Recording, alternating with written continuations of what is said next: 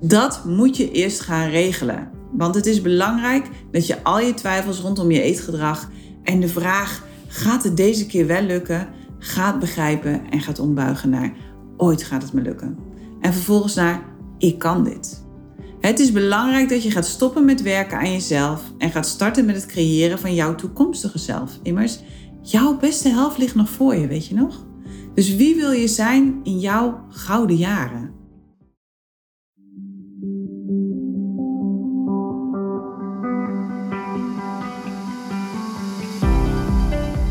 Welkom bij de Eetgeluk Podcast met Eetgeluk-expert Carola van Bemmelen, waarin je leert hoe je weer een relaxte relatie kunt creëren met eten.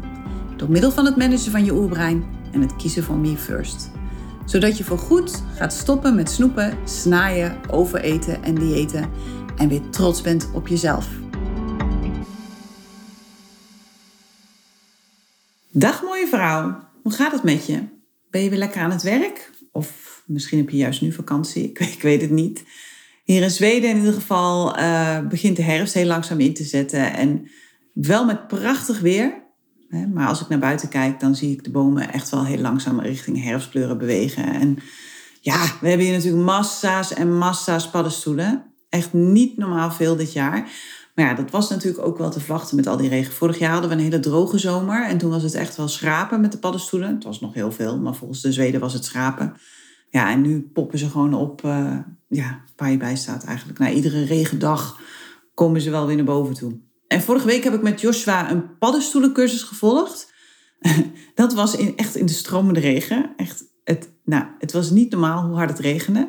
Maar eigenlijk, als je dan eenmaal buiten bent, dan valt het ook wel weer mee. En tijdens die cursus heb ik echt een heleboel geleerd. En ik heb met name geleerd dat er alleen al in Zweden meer dan 10.000 verschillende soorten paddenstoelen zijn. 10.000 verschillende soorten. En die vrouw die die cursus gaf, die zei ook, ja, ze, ik ken er misschien 100. Ze zegt, en de rest ken ik ook niet, want het zijn er gewoon echt te veel. En heel veel daarvan zijn eetbaar, maar ook heel veel niet. En wat echt bijzonder is, is dat ze ongeveer iedere paddenstoel een giftige lookalike heeft. dus het is allemaal niet zo eenvoudig als dat het lijkt. En ik moet zeggen, ik vond het best wel pittig. Ik, ik had echt wel dat ik af en toe dacht van, hmm, hoe ga ik dit nu in mijn eentje doen? Dus voorlopig hou ik het maar gewoon even bij de twee soorten die ik ken en die iedereen hier plukt. En de rest laat ik maar even over aan de professionals. En ja, trouwens, heel veel mensen zijn bang voor giftige paddenstoelen, maar er zijn maar heel weinig paddenstoelen echt dodelijk als je ze eet. Van de meeste giftige soorten krijg je gewoon ja, goed buikpijn. Maar er zijn er dus ook die echt je nierfunctie kunnen verstoren of andere vervelende klachten kunnen veroorzaken. Dus echt handig om ze te eten is het niet. Maar goed, we hebben hier gelukkig nu genoeg eetbare soorten uh, in het bos staan. Dus Joshua heeft in totaal 8 kilo geplukt. En ik heb nu de vriezer vol met een heerlijke wilde paddenstoelenbasis. Die we kunnen gebruiken voor een soepje of een sausje of voor een ragout. Dus het is helemaal goed. De natuur geeft ons zo ontzettend veel. Echt niet normaal. Ik verbaas me daar iedere keer weer over. Oké, genoeg over Zweden, want ik weet dat sommigen van jullie daar niet op zitten te wachten. Anderen vinden het juist weer helemaal leuk. Dus ik probeer erin een beetje een balans te vinden. Ehm, de komende weken wil ik het met je gaan hebben over het proces. Een belangrijk proces dat je moet doorlopen om van een eeuwige dieeter te transformeren naar een gelukkig eter. En ik heb het daar natuurlijk wel vaker over. Hè. Ik heb natuurlijk al de stappen van de eetgelukmethode besproken. Maar er zijn ook een aantal fasen in die stappen te ontdekken. Om het maar even lekker ingewikkeld te maken voor je.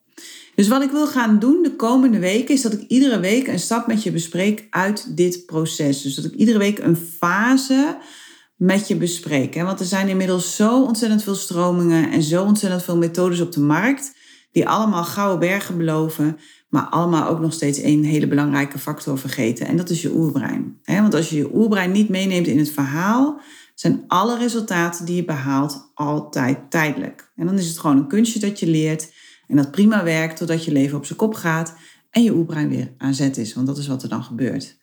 Dus de enige manier om echt volledig zelf de baas te worden over je eetgedrag, echt blijvende resultaten te behalen, is door je oerbrein te leren managen. En dat doe je door vier stappen te zetten waarin je vier fases doorloopt. Nou, die vier stappen zijn natuurlijk de stappen uit de eetgelukmethode. En de vier fases is eigenlijk de transformatie die je maakt per stap. dus De komende weken ga ik dieper in op de achtergronden achter de verschillende fases, over de verschillende fases en hoe ze werken.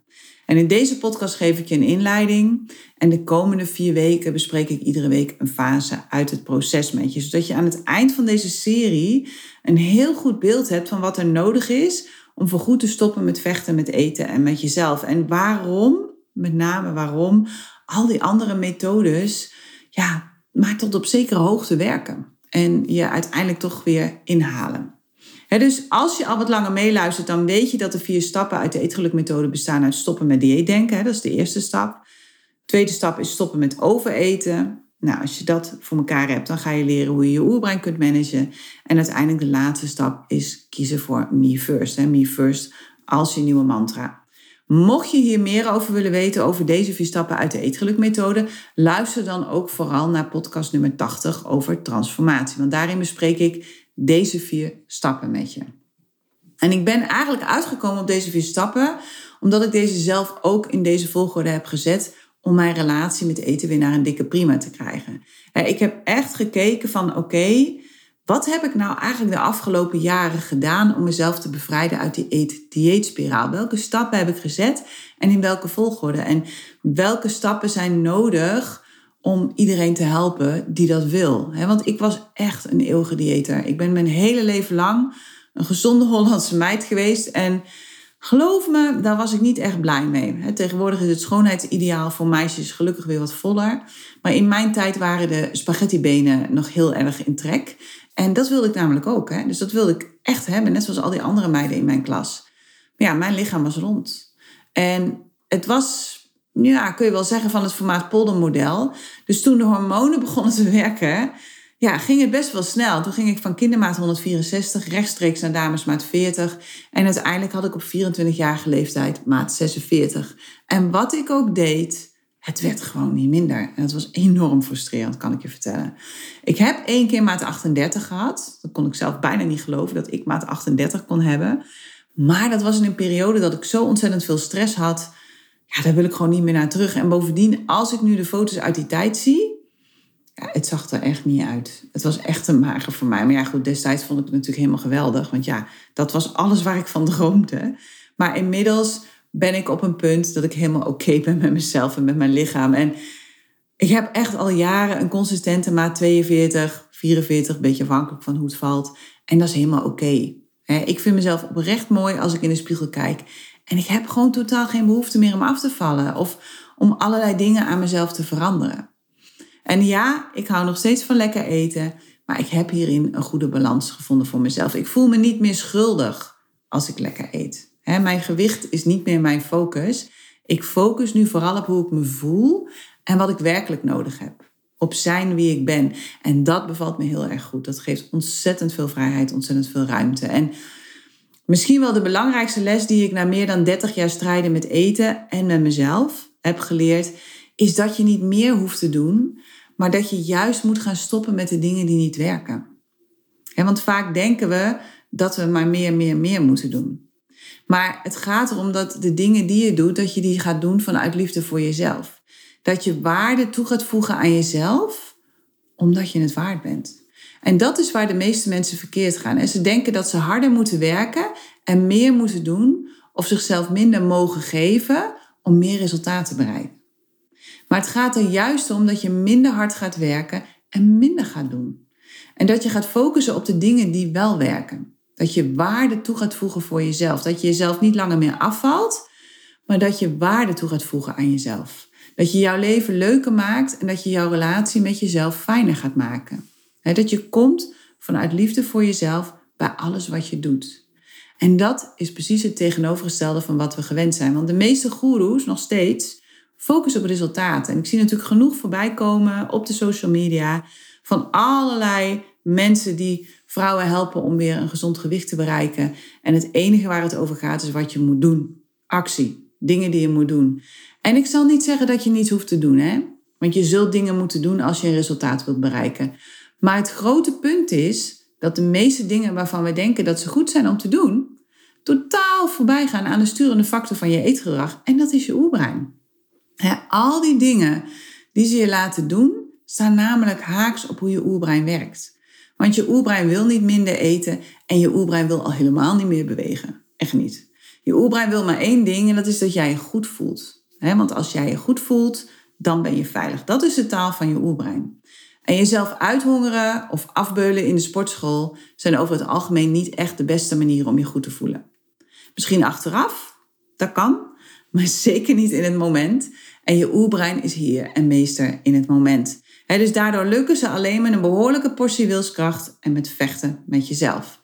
En dat hou je wel even vol, maar uiteindelijk kost het je te veel negatieve energie en daardoor keer je weer terug naar af of het leven komt tussendoor, waardoor je je wilskracht nodig hebt voor andere dingen. En voordat je het weet, ben je dan zo'n eeuwige jojoer. dus wanneer je echt gaat werken vanuit de principes vanuit je oerbrein, dan kun je alleen maar het probleem bij de wortel aanpakken. Dat is de enige manier. Je gaat er dan voor zorgen dat je je goed voelt tijdens de hele reis, waardoor je veel minder wilskracht nodig hebt en niet meer iedere dag het gevecht met jezelf hoeft aan te gaan. Hoe fijn is dat? Geen strijd meer met jezelf. Geen oorlog meer in je hoofd. Ik vind het een genot, echt. En het fijne van deze aanpak is dat je de dingen gaat doen op een fijne manier. Op een manier die volledig aansluit bij wie jij bent, waardoor je hem de rest van je leven kunt volhouden. En dus blijvende resultaten gaat behalen. En je gaat gewoonten aanleren die je automatisch blijft doen, ook als het leven tussendoor komt. Maar ik moet je wel waarschuwen, want dit is geen quick fix proces. Het is een proces waar je tijd in dient te investeren. Dit is dus geen quick fix. Hè. Het is een proces waar je tijd in dient te investeren. En het heeft mij alles bij elkaar vijf jaar gekost om hier te komen. En dat klinkt heel lang. Maar aan de andere kant, wat is vijf jaar als je al meer dan 30 jaar aan het strijden bent met eten en met jezelf? En als je je beste jaren voor je hebt liggen? Want dat realiseer ik me iedere keer opnieuw. Mijn beste tijd is nu. En hoe gaaf is het om die transitie naar jouw beste tijd, naar de beste helft van je leven, op deze manier te maken? Namelijk door een prachtig proces met jezelf aan te gaan, dat je helpt om je weer met jezelf te verbinden en echt thuis te komen in jezelf.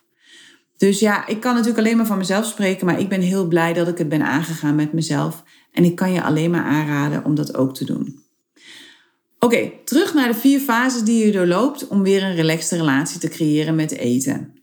Het zijn dus niet de vier stappen, maar het zijn eigenlijk de, de transformaties die je per stap doorloopt.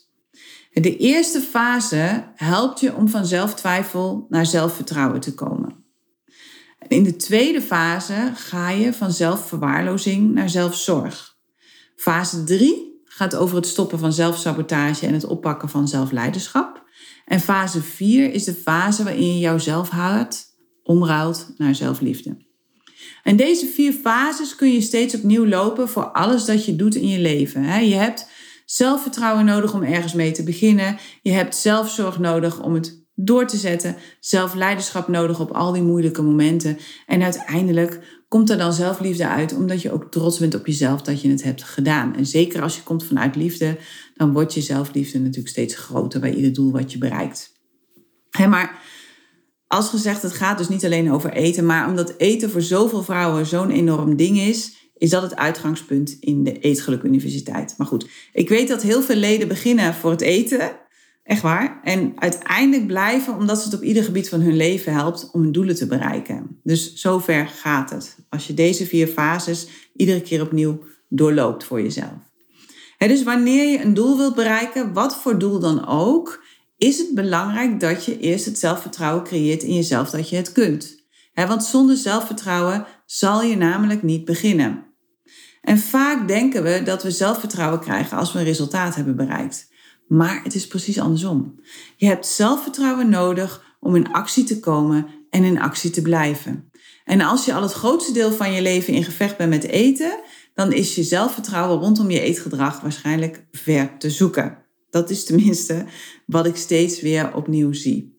dus dat moet je eerst gaan regelen. Want het is belangrijk dat je al je twijfels rondom je eetgedrag en de vraag: gaat het deze keer wel lukken? gaat begrijpen en gaat ombuigen naar ooit gaat het me lukken. En vervolgens naar ik kan dit. Het is belangrijk dat je gaat stoppen met werken aan jezelf en gaat starten met het creëren van jouw toekomstige zelf. Immers, jouw beste helft ligt nog voor je, weet je nog? Dus wie wil je zijn in jouw gouden jaren? Echt, ik moet nu ineens denken aan de Golden Girls. Volgens mij waren die wat ouder. Maar wie wil je zijn in jouw gouden jaren? Hoe wil je dat jouw leven eruit ziet in de beste helft van jouw leven? De tweede fase waar je doorheen dient te gaan, dat is de fase waarin je stopt met jezelf te verwaarlozen en weer toegaat naar gezonde zelfzorg. Want al die diëten hebben je niet dichter bij jezelf gebracht. Ze hebben juist het contact met jezelf verbroken. misschien heb je je lichaam tientallen jaren mishandeld door niet te luisteren wanneer het moe was, of wanneer het honger had, of wanneer het vol zat. Misschien heb je het enorm vergiftigd met suiker en alcohol en allerlei voorbewerkt eten. Of heb je enorme hoeveelheden stress in je leven gecreëerd. En vaak is dat allemaal onbewust geweest. Dus wees niet boos op jezelf als je dat hebt gedaan. Ik ben er namelijk van overtuigd dat iedereen altijd de dingen doet en kiest met de beste intentie op dat moment. Maar nu je jezelf ervan bewust bent, kun je het wel gaan veranderen. Je kunt je nu op een andere manier gaan verzorgen, waardoor je je lichaam in balans gaat brengen en je steeds beter ook gaat voelen wat je echt nodig hebt. Of je echt honger hebt, of je nog meer moet eten, of dat je eigenlijk gewoon vol zit. Leren om goed voor jezelf te zorgen is een proces. Echt, geloof me, ik spreek uit ervaring.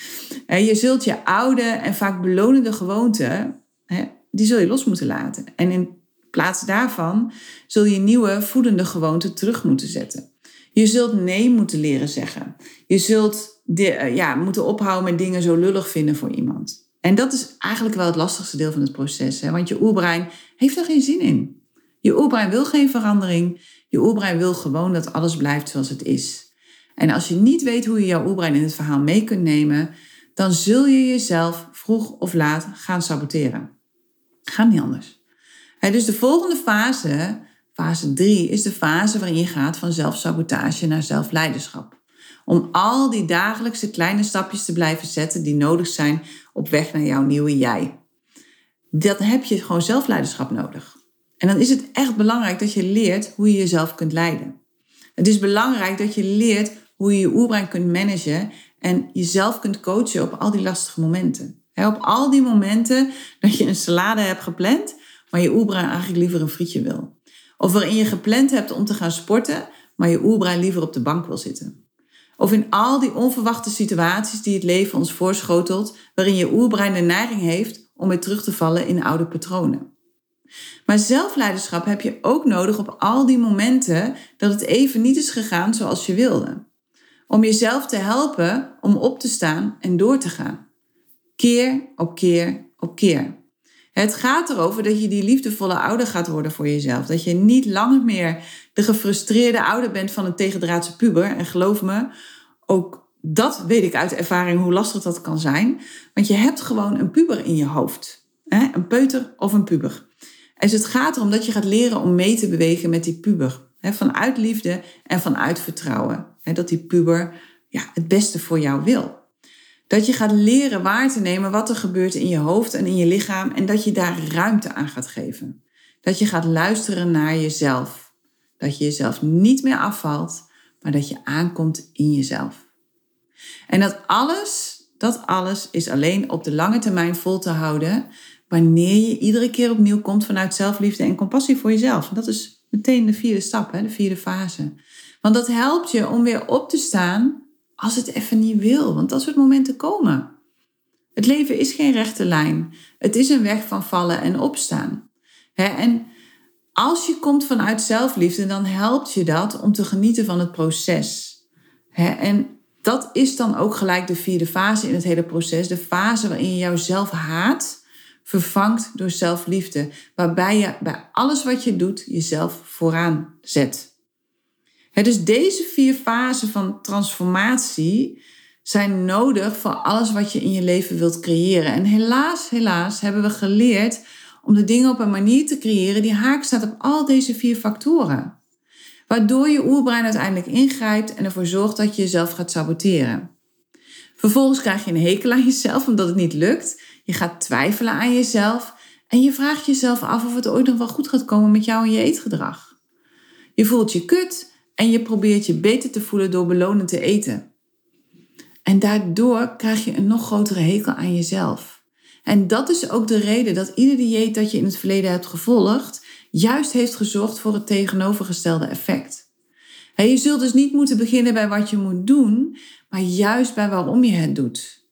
En in de eetgelukmethode heb ik daarom de vier stappen gecreëerd die nodig zijn om deze succesfactoren weer te herstellen en te activeren in jezelf. Zodat je kunt gaan van zelftwijfel naar zelfvertrouwen. En van zelfverwaarlozing naar zelfzorg. En van zelfsabotage naar zelfleiderschap. En van zelfhaat naar zelfliefde. En als gezegd, de komende weken ga ik iedere week een stap uitgebreid met je bespreken in de podcast. De komende weken ga je hiermee stap voor stap kennis maken met het hele transformatieproces. En je gaat begrijpen waardoor de meeste problemen met eten worden veroorzaakt. En ja, eigenlijk is het een soort van mini-cursus die je van me krijgt. En het is een hele belangrijke cursus, want wanneer je begrijpt waar jouw strijd met eten nou echt door wordt veroorzaakt, dan snap je ook waarom het je tot nu toe niet gelukt is om een tijd te keren voor jezelf. En ga je begrijpen dat het niet aan jou ligt. En dat helpt je weer om vanuit compassie voor jezelf andere keuzes te maken. En de dingen te gaan doen die wel nodig zijn. Dus hou de podcast in de gaten de komende weken. Wat natuurlijk nog beter is, zeker als je luistert in Spotify, is dat je je abonneert op de podcast. Want dan krijg je een berichtje automatisch wanneer de nieuwe podcast er weer staat. En zeker met deze mini-cursus krijg je dan ook een bericht wanneer de nieuwe afleveringen aanwezig zijn. Goed, ik wens je een hele fijne week. Als je mij wilt helpen om deze podcast bij nog meer vrouwen te laten landen, laat dan een review achter onder deze podcast. Kleine moeite, maar het helpt om de podcast ja, in de zoekresultaten hoger naar voren te laten komen. Waardoor steeds meer vrouwen gaan zien dat hij er is. En we ook steeds meer vrouwen kunnen bereiken en kunnen helpen om dit dieetspook uit hun leven te werken. Goed, dat zou heel fijn zijn als je dat wilt doen. Wij horen elkaar volgende week weer. Tot dan.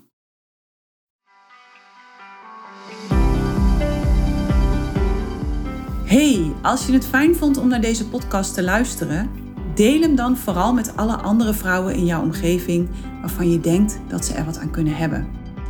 En help me door een recensie achter te laten op het platform waarop je luistert. Laten we er samen voor gaan zorgen dat de huidige dieetmaatschappij gaat stoppen. Want dat is echt heel hard nodig. Wil je dat doen voor me? Ik reken op je.